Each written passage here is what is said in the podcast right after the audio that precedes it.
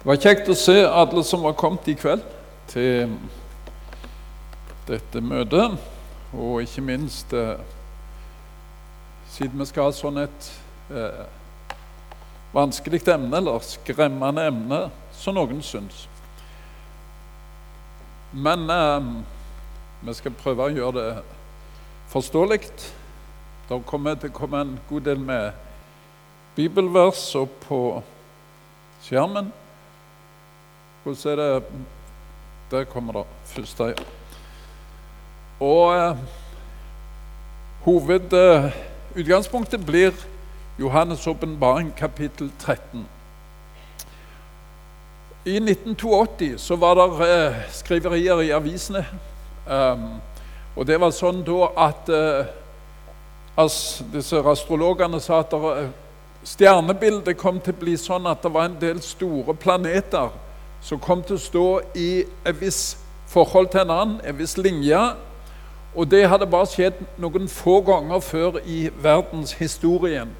Bl.a. Eh, under vannflommen ved Noas dager, sa de, og andre ganger når det hadde vært noen store katastrofer. Så snakket de da om at når dette skjer Det var i juli det skulle skje, en viss dag. Så kom det til å skje en stor katastrofe, eller så kom Jesus til å komme igjen. Så jeg husker vi leste fra USA at uh, mange uh, sånne um, plasser så hadde de akkurat så store uh, fester, liksom. Endetidsfester. For det de skulle liksom, Nå var det slutten på, på verden, osv. osv. Men det var, ble det ikke i 82, og det er sikkert mange av dere glad for. I år 2000, da Akkurat med tusenårsskiftet, da var det òg stort oppstyr. I Jerusalem for eksempel, var mange fra kristne eller halvkristne sekter som var kommet til Jerusalem og trodde at Jesus kom igjen akkurat på nyttårsaften. Så de skrev i israelske aviser at det var en plage for uh, politiet i Israel. For her kom det sånne kristne som ga seg ut for at nei, dette er vår plass, det er vi som eier her. For det at Jesus kom igjen, skal han etablere sitt rike her i Jerusalem. Og så gjorde de akkurat som det, det er vi hjemme her. Men så ble det ikke den dagen heller. Han kom hjem. For Jesus har sagt at ingen vet dagen eller timen, bare min far. Heller ikke englene vet det. Men så har han også sagt at eh, vi skal kunne se noen tegn. Det skal skje ting i naturen i det politiske liv, i folkehavet, skal det skje ting som den som leser Bibelen, han skal begynne å ane og kunne se. Mon det nærmer seg nå. Og så skal han på den måten forberede seg. Og så skal han finne en balanse mellom det å vente på Jesus og det å leve sitt daglige liv her i verden. Og så må en ikke falle i den ene eller den andre grøfta. Den grøfta som eh, jeg føler på mange måter mange er i nå, det er det at eh, det er så mange som har eh, tippa feil når det gjelder Jesu gjenkomst og alt de siste tider, at det snakker vi ikke om. For det er liksom helt ute ut i det blå, så det snakker vi aldri mer om lenger. Og det kan være grøft, for da glemmer en ut at det går mot endens tid. Og mm, jeg vil kalle, gi dette, denne talen en tittel som er et spørsmål. Vekter, hvor langt er det på natt? Um, vekterne i Israel de var våkne når de andre sov. De var vaktfolk. De gikk rundt omkring i byen om nettene. De slo på gongongen ved midnatt og visse hver heltime, tror jeg, noen plasser. Så kunne folk vite at det er en som er våken og holder øye med byen vår. Han gikk opp en høyde av og til for å se om det brant noen plass. Og hvis det brant, så satte han gongongen, slo han på gongongen. Eller hvis det var angrep utenfra mot byen, så var vekteren våken. Og så kunne han varsle de andre slik at de våkna opp og var klar eh, når ulykker skjedde. Og Det verste som kunne skje, det var hvis Eller det nest verste som kunne skje, var hvis vekteren sovna. da lå de tynt an. Da var det ingen som ville oppdage brann eller fiender som kom. Det var det nest verste. Det verste det var hvis vekteren hadde avtale med fienden utenfra. Og han hadde avtalt sånn at eh, det er bare jeg som er våken midnatt. Da kan jeg hjelpe dere å komme inn i byen, og så kan vi røve her i byen.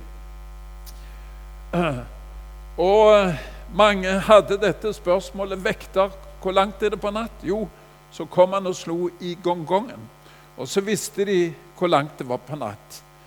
Og så brukte Gud dette når det gjaldt de eh, profetene i Det gamle testamentet, f.eks. dere ser her Esekiel 3,17, sier han til profeten Esekiel.: Menneskesønn, jeg har satt deg til å være vekter for Israels hus. Når du hører et ord av min munn, skal du advare dem fra meg. Altså vekteren, profeten. Han skulle kjenne Guds ord, sånn at hvis folk kom inn i åndelig søvn, så skulle han være våken, og så skulle han si ifra så skulle han slå på gongongen og holde opp Guds ord og si nå lever dere i synd, nå går dere bort fra Gud, slik at folk kunne være våkne. Og Han skulle også advare og forkynne om åndelige farer utenfra. Og så har vi siste sitat her nede i første krønikebok 1232. Det er et sitat fra kong David. Han mønstra folket sitt, og så hadde han soldater i de forskjellige stammene. Noen var gode til det, og noen var gode til det.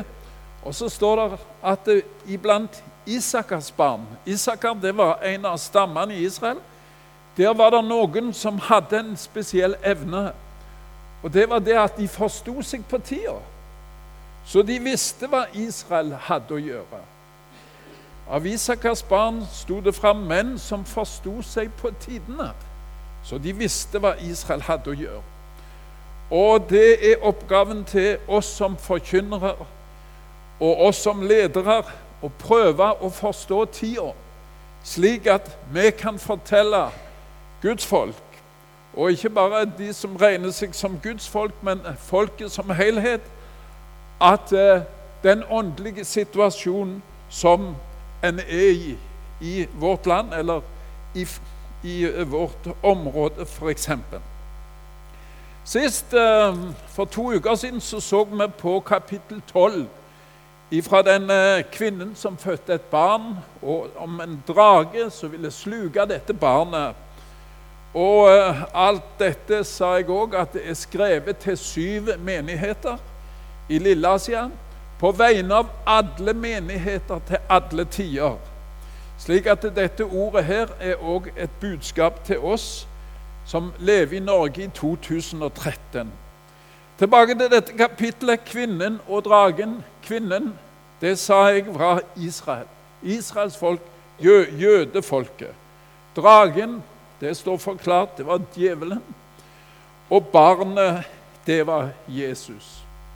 Og så så vi i kapittel 12 at eh, dragen den var en gang sammen med Gud i himmelen, men han ble kasta ut fra himmelen og for ned til jord i stor vrede, for han vet han har bare en liten tid, står det. Og han hater kvinnen fordi hun kom med dette barnet. Han hater Israels folk, for hun kom, de kom med Jesus. Og så hater han et folk til, og det er de som tror på Jesus. De som har tatt imot han, og som holder Guds bud og har Jesu vitnesbyrd. Så det er spesielt to slags folk denne dragen hater, Satan hater. Det er jødefolket, og det er de sanne kristne. De to folk er spesielt hata av dragen.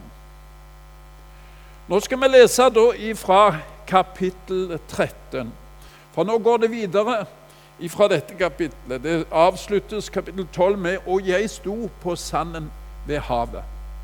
Og jeg så et dyr stige opp av havet, som hadde ti horn og syv hoder, og på sine horn ti kroner, og på sine hoder bespottelsesnavn. Og dyret som jeg så, var likt en leopard, og dets føtter som på en bjørn, og dets munn som en løvemunn. Og dragen ga det sin kraft og sin trone og stor makt.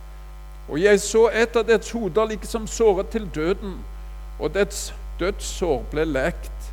Og all jorden undret seg og fulgte etter dyret, og de tilba dragen fordi den hadde gitt dyret makt. Og de tilba dyret og sa, Hvem er lik dyret? Hvem kan stride mot det? Og det ble gitt en munn som talte store og spottende ord. Og der, og der ble gitt det makt til å holde på i 42 måneder. Og det åpnet sin munn til spott mot Gud, til å spotte Hans navn og Hans bolig, dem som bor i himmelen. Og der ble gitt det til å føre krig mot de hellige og seire over dem. Og der ble gitt det makt over hver stamme og folk og tunge og ett. Og alle som bor på jorden, skal tilbede det.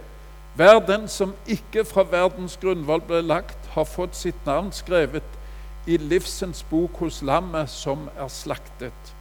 Dersom noen har øre, han hører.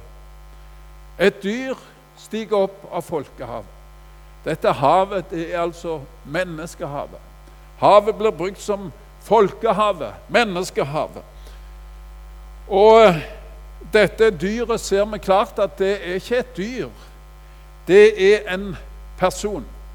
Og det er en leder. Det vil det, vil det veldig komme klart fram. Han har en, en, politisk leder, en mektig person, som har mye av dyrenes kvaliteter.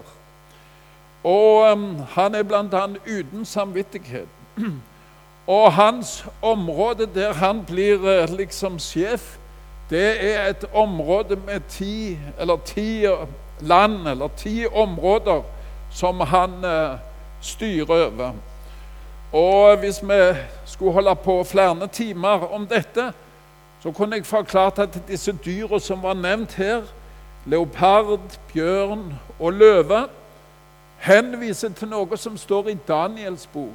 For Daniel, mange hundre år tidligere, hadde en drøm der han så Eller Nebukaneser hadde en drøm, og Daniel tolka den drømmen. Og der var disse dyra. Der var eh, løve, leopard, bjørn osv. Og, og disse dyra var representanter for forskjellige politiske riker, verdensriker, som sto fram. Disse rikene som var nevnt da, var det babylonske riket ved, ved eh, Nebukadnesar. Det var det persisk-mediske riket ved Darius. Det var det greske riket med Aleksander den store. Og så var det ett rike til. Det skal jeg ikke gå inn på nå, for det vil ta en veldig lang tid. Men vi skal komme litt tilbake til akkurat dette. Men dette dyret det bærer i seg liksom kvaliteter og alle de kvalitetene og, og, og, karaktertrekk som lå i alle disse andre rikene til sammen. Og han får eh, veldig stor makt, og han spotter Gud. Og han er det motsatte av Jesus, vil vi se. Han går til krig mot Gud og det, som den sanne Gud eh, står for. Jesus talte om denne personen som skulle komme. Og så sa han, 'Jeg er kommet til min fars navn.' 'Og dere tar ikke imot meg', sa Jesus. 'Kommer en annen i sitt eget navn, ham tar dere imot.' Denne personen som skal stå fram, han er akkurat det motsatte av Jesus på alle punkt. På alle punkt. Og han vil bli tatt imot av eh, verdens befolkning som en fantastisk person. Motsatt av Jesus, som ble forakta, og som ble, ble liksom forkasta både av sitt folk og for mange mennesker i verden. Mens denne personen som skal stå fram, han vil være en fantastisk person. Og folk vil si nå er verdens frelser kommet. Endelig kom han. Endelig kom den som vi har venta på. Men Bibelen kaller han for dyret. Så uh, står det mange ting i mange profetier i Det gamle testamentet. Men òg i Det nye testamentet står det om denne spesielle personen. Nå skal vi lese litt om hva Paulus sa om samme person som åpenbaringen 13 taler om. Og Da taler Jesus, eh, Paulus om Jesu gjenkomst, for det han sier det at la ikke folk forvirre dere, så dere tror det at Jesus kommer sånn som det er, og dere vil ikke oppdage det. Når han sier før Jesus kommer igjen, så må det komme en annen person. Og så sier han vi ber dere brødre, vedkommende vår Herre Jesu Kristi komme, og vår samling med ham, at dere ikke så snart må la dere drive fra vett og sans, eller la dere skremme, verken ved noen ånd eller ved noen tale eller ved noe brev, liksom det skulle være fra oss, som om Herrens dag sto for døren. La ingen dåre dere på noen måte, for først må frafallet komme, og syndens menneske åpenbares, fortapelsens sønn, dyret altså. Han som står imot og opphøyer seg over alt som kalles Gud eller helligdom, så han setter seg i Guds tempel og gir seg selv ut for å være Gud. Og Så hopper vi noen vers, og så står det for lovløshetens hemmelighet er alt virksom. Bare at den som nå holder igjen, ryddes av veien. Og da skal den lovløse åpenbares. Han som den Herre Jesus skal fortære med sin munns ånde og gjøre til intet ved åpenbarelsen av sitt komme. Og hans komme skjer etter Satans kraftige virksomhet med all løgnens tegn og under. Paulus sier før Jesus kommer, så kommer denne. Denne som åpenbaringen kaller for dyret. Paulus kaller han for syndens menneske, fortapelsens sønn, eller den lovløse.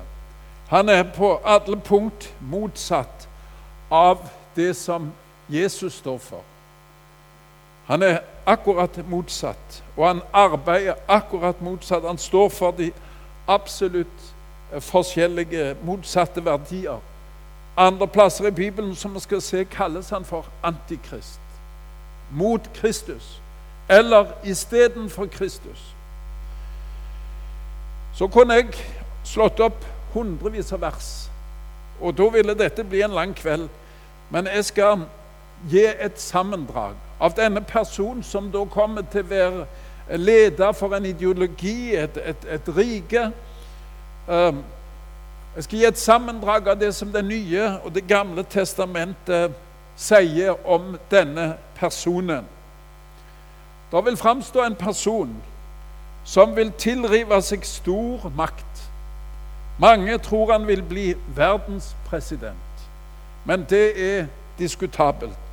Han vil bli den øverste av ti riker, og hans virketid vil bli hver syv år. Eller ei begrensa tid. Han vil være et geni på alle områder. Han vil være et politisk geni. Folk tar imot ham, de hyller ham. Og um, han får sine evner og intelligens og krefter og strategi ifra dragen, altså ifra Satan. Men han vil være oppfyllelsen av mange strømmer. For når han kommer, så vil han først klare å etablere fred og ordne opp i mange problemer, antageligvis som verden har stritt med. Han vil være verdens største sjarmør og verdens største bedrager. Han vil være et militært geni. Han vil legge unna seg mange forskjellige land, og folk kommer til å ønske han velkommen. Folk kommer til å hylle han som en stor leder. Han vil være et økonomisk geni som vil legge seg unna seg store deler av verdenshandelen. Og han vil få utrolig stor økonomisk makt.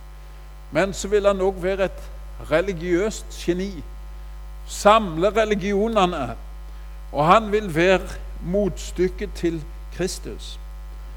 En plass står det det i Esekiels bok at uh, Gud sier til denne personen du er, du er um, altså mer intelligent enn Daniel. Altså antageligvis et av de mest intelligente mennesker som har trødd på denne jord. Fordi han får hele sin intelligens, og alt det som han står for, får han ifra Satan. Satans supermenneske. Syv år Den første tid syv år som er delt i to. Den første tre et halvt år fredstid. Men så kommer de siste tre et halvt år, som da Bibelen skriver slik at det er tre et halvt år, 42 måneder eller 260 til 290 dager. Pga. trengselen vil være så tøff på den tid at om ikke de troende kunne få noen hint om hva dette var, og hvor lenge det ville stå på, så vil intet kjøtt bli frelst, står det. Det vil bli så tøffe dager, og det vil være så vanskelig å være kristen, f.eks., at om ikke de kristne visste at på tross av denne ondskap som har makt, så er Jesus i kontroll. Og dette vil kun være ei um, begrensa tid. Derfor er det, ser en i disse kapitlene er det som om Gud vil fortelle oss at den verste tid blir tre og et halvt år. Det står om ti, en tid, tider og en halv tid. Eller står det 42 måneder, leste vi her. Og I forrige kapittel sto det 1260 dager. Og i Daniels bok står det 1290 dager. Altså antageligvis ca. tre et halvt år vil denne personen har sitt, eh, sitt høyde eh, Være på høyden og kunne utføre sin, eh, sin gjerning på den måten. Skal vi lese litt videre i Åpenbaringen 13, fra vers 11. Og jeg så et annet dyr. Altså Nå er det snakk om ett dyr til. Stig opp av jorden. Og det hadde to horn, liksom et lam, men det talte som en drage. Og det bruker det, det første dyrs hele makt for dets øyne og gjør at jorden og de som bor på den, tilbeder det første dyr. Hvis dødsår ble lekt, og det gjør store tegn, så at det endog får ild til å falle ned fra himmelen på jorden for menneskenes øyne. Og det forfører dem som bor på jorden, for de tegns skyld som det er gitt å gjøre for dyrets øyne, i det det sier til dem som bor på jorden, at de skal gjøre et bilde til det dyr som fikk såret av sverdet og ble i live. Og det fikk makt til å gi dyrets bilde livsånde, så at dyrets bilde enda kunne tale og gjøre så at alle de som ikke ville tilbe dyrets bilde, skulle drepes. Og det gjør at det blir gitt alle, små og store, rike og fattige, frie og treller, et merke i deres høyre hånd eller på deres panne og at ingen kan kjøpe eller selge uten den som har merket dyrets navn eller tallet for dets navn. Her er visdommen. Den som har forstand, han regner ut dyrets tall. For det er et menneskets tall, og det tall er 666. Så nå er vi inne på brennbare ting, ser dere. Men her sto det det kom et annet dyr, ett til dyr. Og det dyret har ikke ti horn, som, som det første horn, et dyr, men det har to horn. Og to horn står for det har stor religiøs makt. Og Når en ser disse to kapitlene sammen, kapittel 12 og 13, så ser en det at det er en treenighet som står fram, som kalles for ondskapens treenighet. Og denne treenigheten prøver å fremstille seg istedenfor Faderen, Sønnen og Den hellige ånd. Vi leste om dragen i kapittel 12. Han har alltid villet vært Gud. Han det er Satan som gjorde opprør imot Gud i himmelen og ble kasta ut. Men han har alltid villet vært Gud. Han gjorde opprør og ville overta for Gud i himmelen. Det står der i Bibelen. Du har dragen, og så har han sin person på jord. Og det er dette dyret. Og dyret blir framstilt som verdens frelser. Han kan ordne opp i problemene, i økonomiske problemer. Han er så lur at han har eh, mange ting som kan ordne opp i sykdom og i politiske konflikter. Så han av noen blir tatt imot som verdens frelser.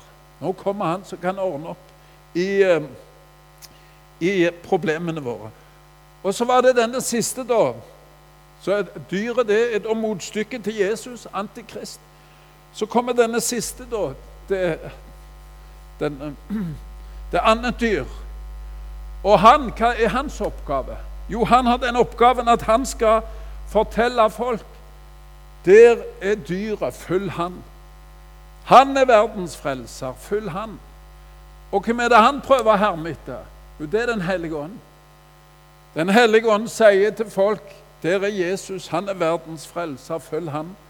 Men denne falske profet, han har en oppgave som sier det at der er verdens frelser. Dyret er verdens frelser.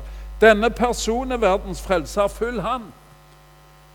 Dere som kjenner historien, ser kanskje for dere ja, men dette har vi hørt om før. For eh, hvordan var det under krigen? Da var det Hitler, og så var det hans propagandaminister Goebbels, som hadde mange av disse kvaliteter som det står her som dyret skal ha. Og Bibelen sier at det er ikke underlig, for det er kommet mange. Dette mønsteret har vært mange ganger. Dette mønsteret, opprøret mot Gud, det har vært det en, har en kunnet se i alle disse verdensrikene som har vært. Men imot slutten så skal det tilspisse seg. Så Hitler, han hadde det. Han hadde Goebbels, sitt annet dyr.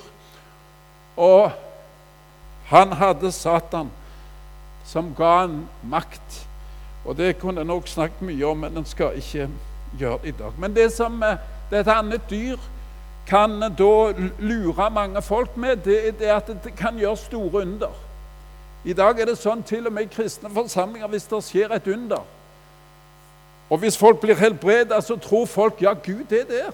Selvfølgelig er Gud der, for, da, for han er jo blitt helbredet i Jesu navn.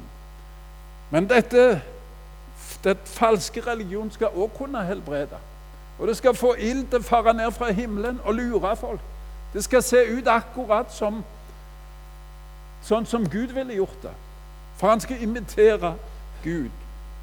Altså ondskapens treenighet. Dragen, dyret og den falske profet.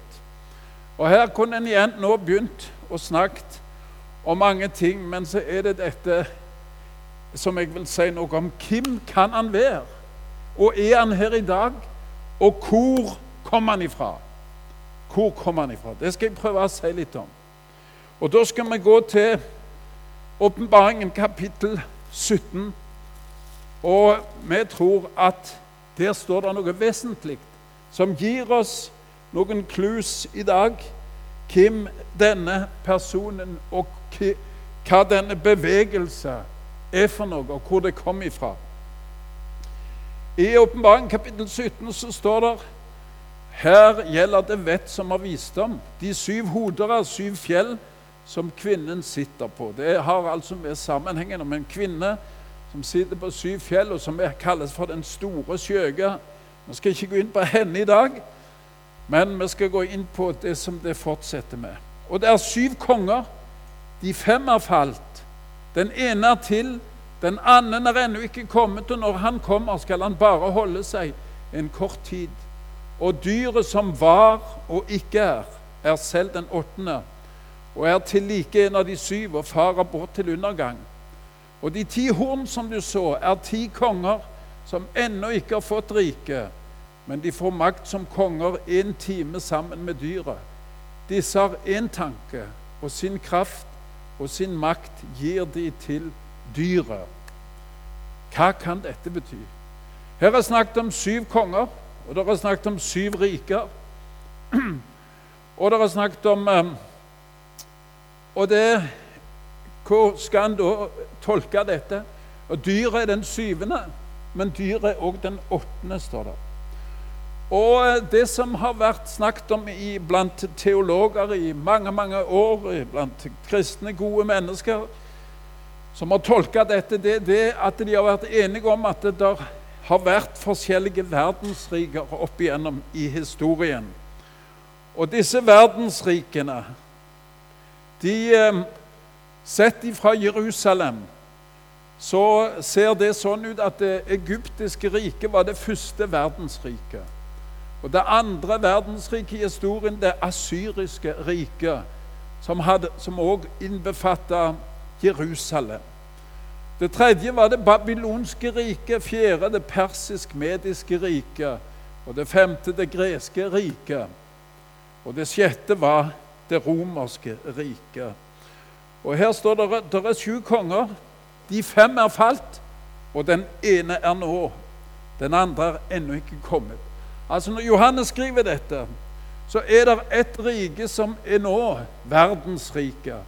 Og hva rike var det som styrte over Jerusalem, over den kjente verden, på Johannes' sin tid? Jo, det var det som dere ser her, det sjette riket. Det romerske riket.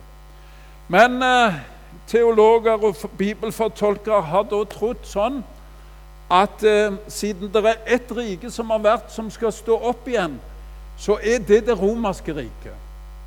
For det var et rike som var så mektig, og som innefatta Europa. Slik at da har de sagt at eh, det er EU som blir eh, stått opp som det romerske riket. Og når EU står opp, så blir det antikristsriket. Det er til og med de som har talt om at det er den romersk-katolske kirka som er antikrist. Som er den religion som er imot Kristus. Altså at når EU sto opp igjen, så var det en stund at EU var ti land. Og så sa de ja, bare se. Nå er det ti horn. Nå er det ti land.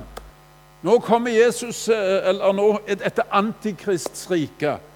Men plutselig nå er EU 25 land, så nå stemmer det ikke lenger.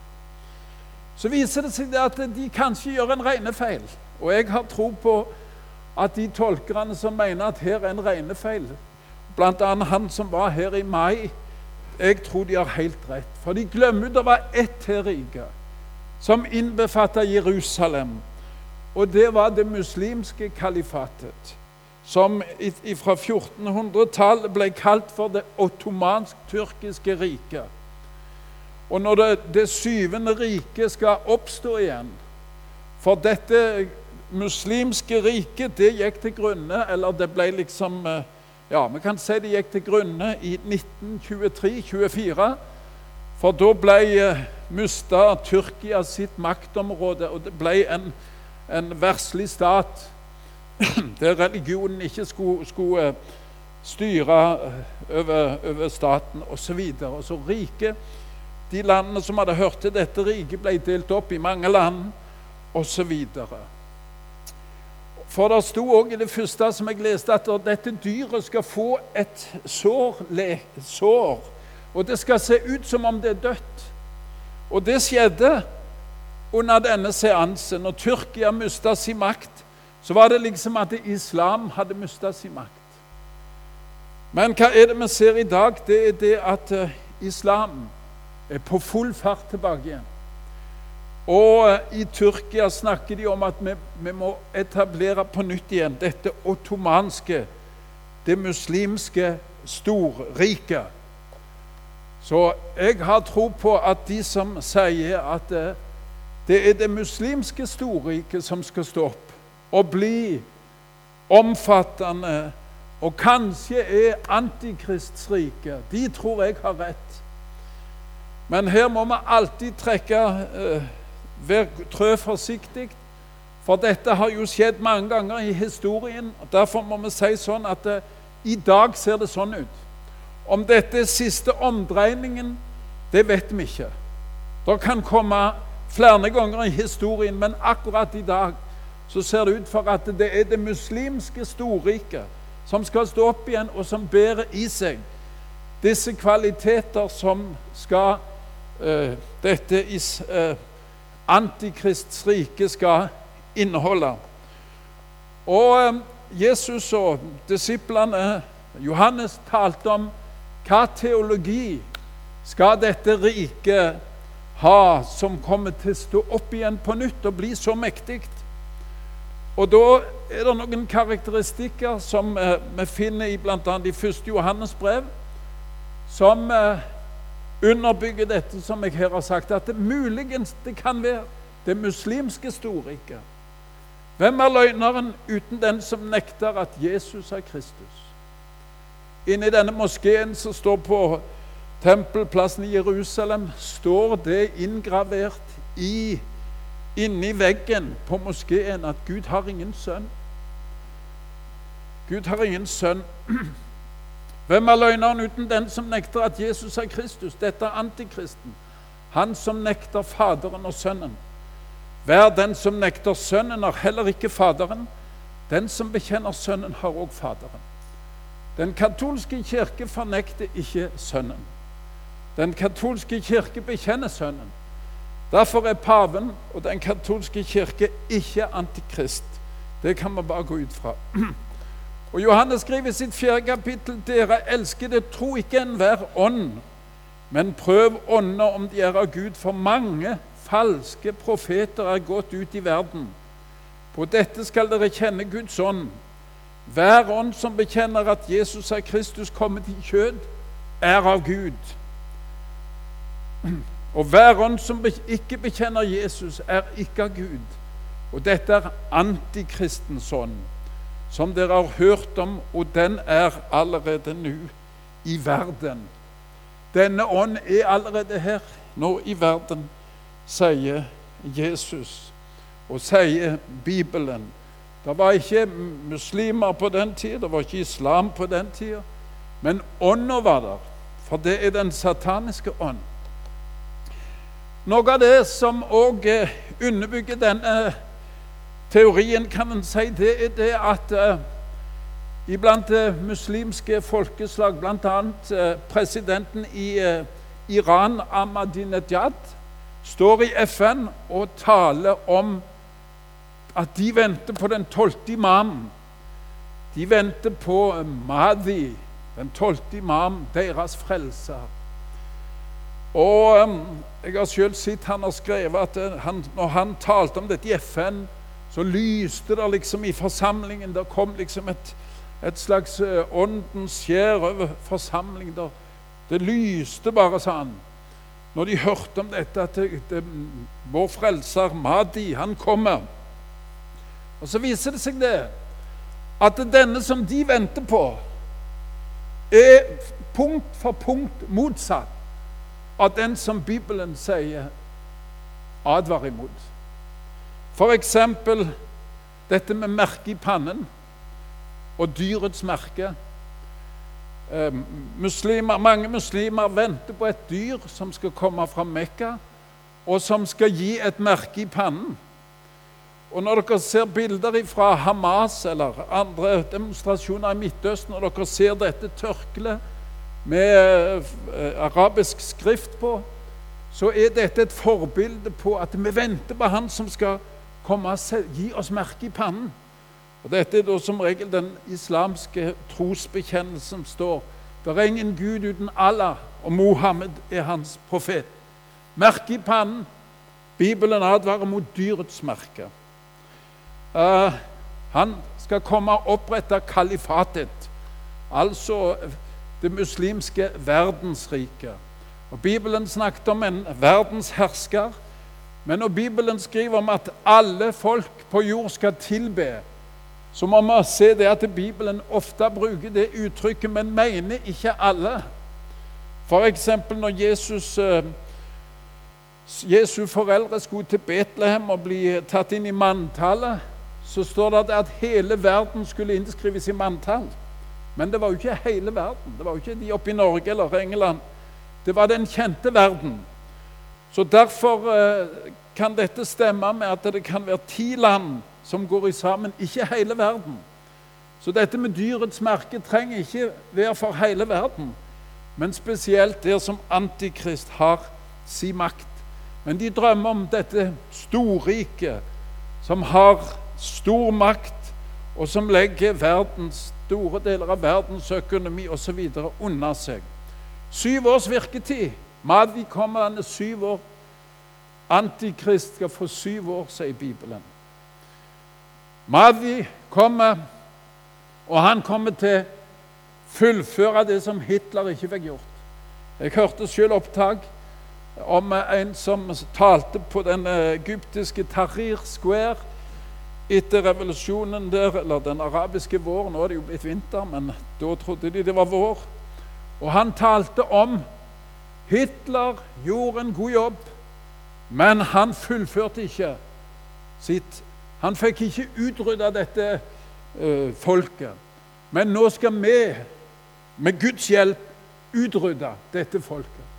Og så videre, og så videre. Det var to millioner mennesker som sto og hørte på. Det ble nesten ikke referert i andre, i norske aviser. Men dette med å forfølge jødene, det er typisk. Og Bibelen også snakker om at Israel skal angripes. Jeg har ikke med dette bibelverset fra Esekiel 38 om Gog og Magog, om disse folkeslag som skal dra opp og angripe Israel. Det kan dere lese sjøl, men det er utrolig interessant. For der er det folkeslag som er nevnt, som er stort sett fra den muslimske verden rundt Israel, som skal dra opp til Jerusalem for å angripe jødefolket.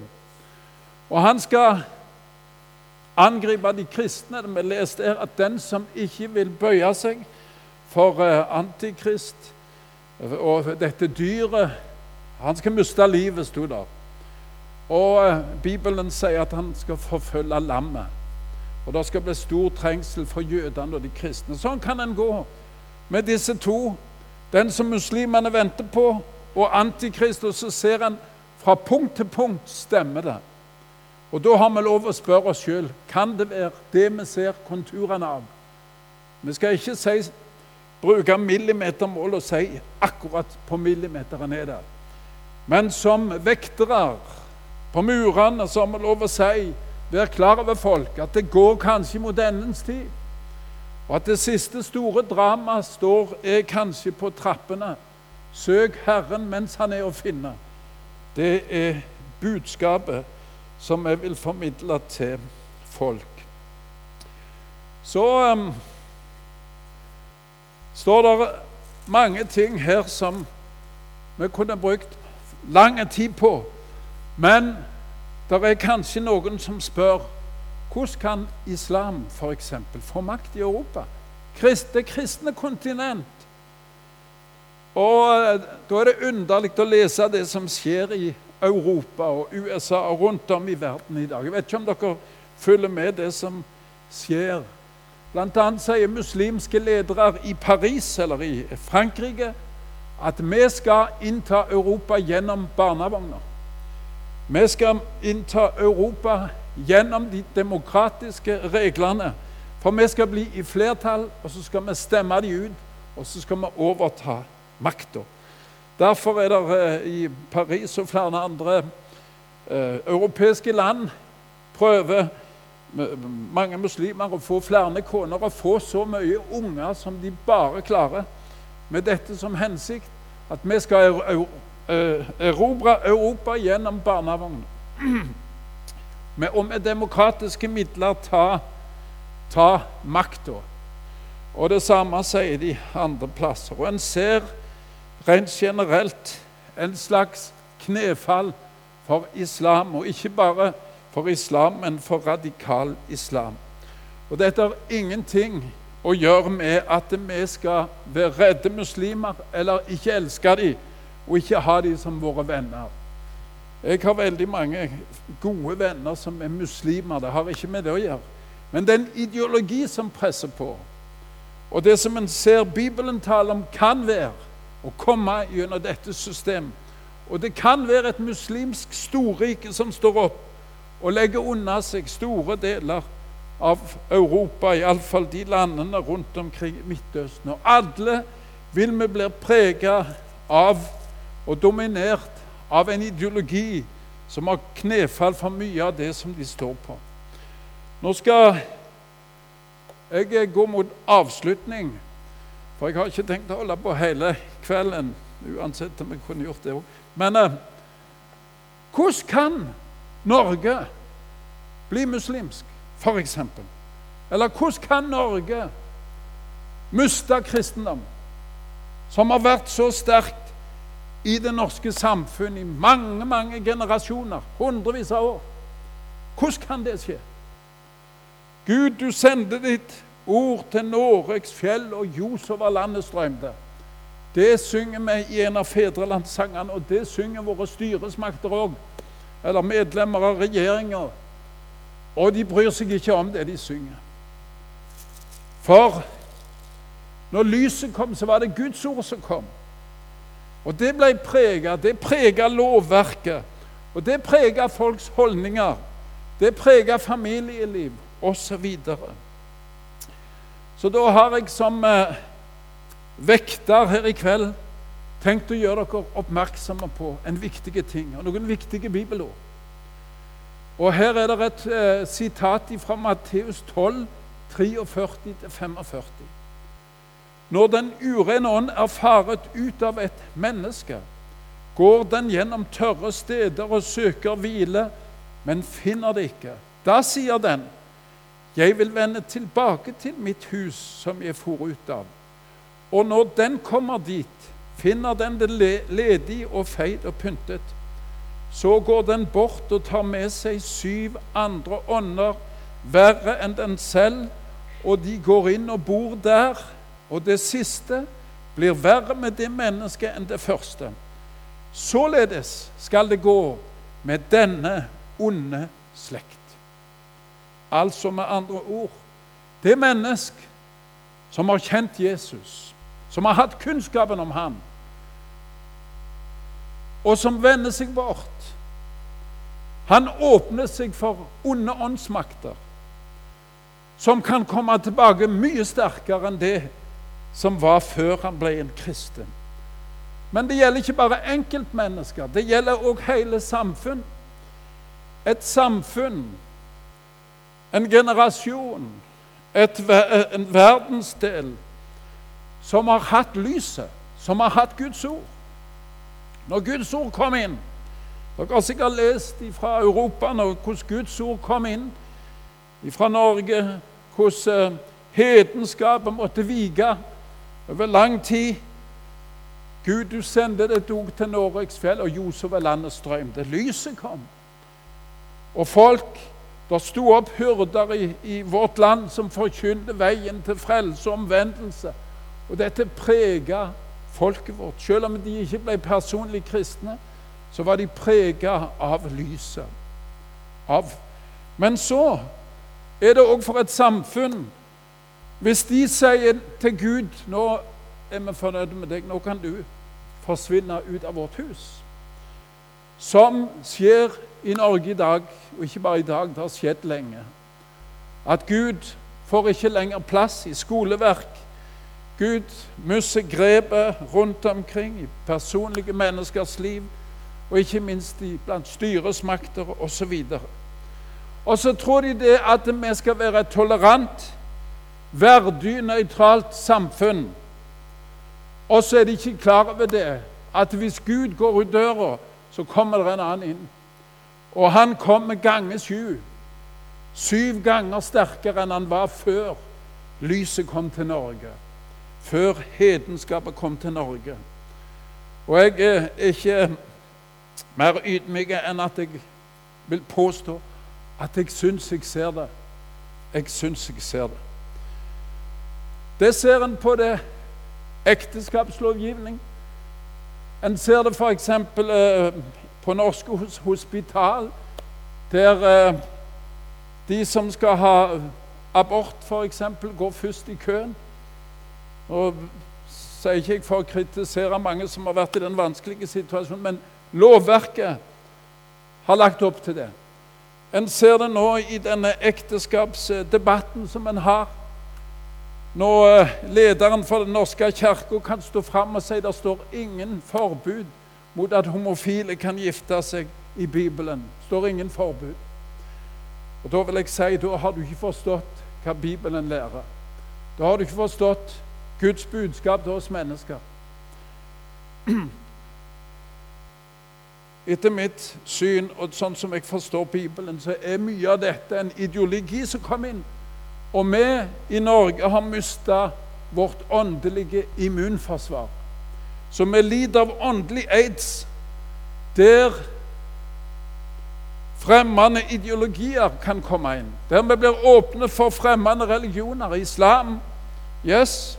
Men vi blir òg åpne for en samlivsetikk som er fullstendig opprør imot Guds ord og Guds plan for oss mennesker. Og hvis en ser gjennom historien mange av disse verdensriker som var, og som gikk til grunne De gikk veldig ofte til grunne pga. at det ble kaos i forholdet mellom menn og kvinner og i familieforhold. Det ble kaos. Og i dag legges det opp til kaos, og enda mer kaos når det gjelder forholdet mellom kvinner og menn og innad i familien. Det kjenner dere til. Og jeg tror og er overbevist om at det er på grunn av at vi har sendt Guds ord på dør. Og så kommer hedenskapet tilbake, og mørket kommer tilbake igjen, gange syv. Og vi får et hedenskap som er verre mange ganger enn det som de har som aldri har hørt. For mange av de har et gudsbegrep, og de har en gudsfrykt. Underlig nok. Og det har jeg sett i møte med primitive mennesker som har hørt veldig lite evangeliet. Vårt åndelige immunforsvar er svekka pga. propaganda fra Satan og hans ånde her. Paulus sier vi har ikke kamp mot kjøtt og blod, men mot makter, myndigheter, mot verdens herrer i dette mørket, mot ondskapens ånde her i himmelrommet. Så kan du kanskje si i kveld får jeg pizzaen i halsen, for dette var forferdelige greier. Dette var tunge greier. Hva skal vi da gjøre? Det, det, da er det håpløst. Da har jeg lyst til å si noe til. Og det, det var i en by Jeg tror det var, på om det var London.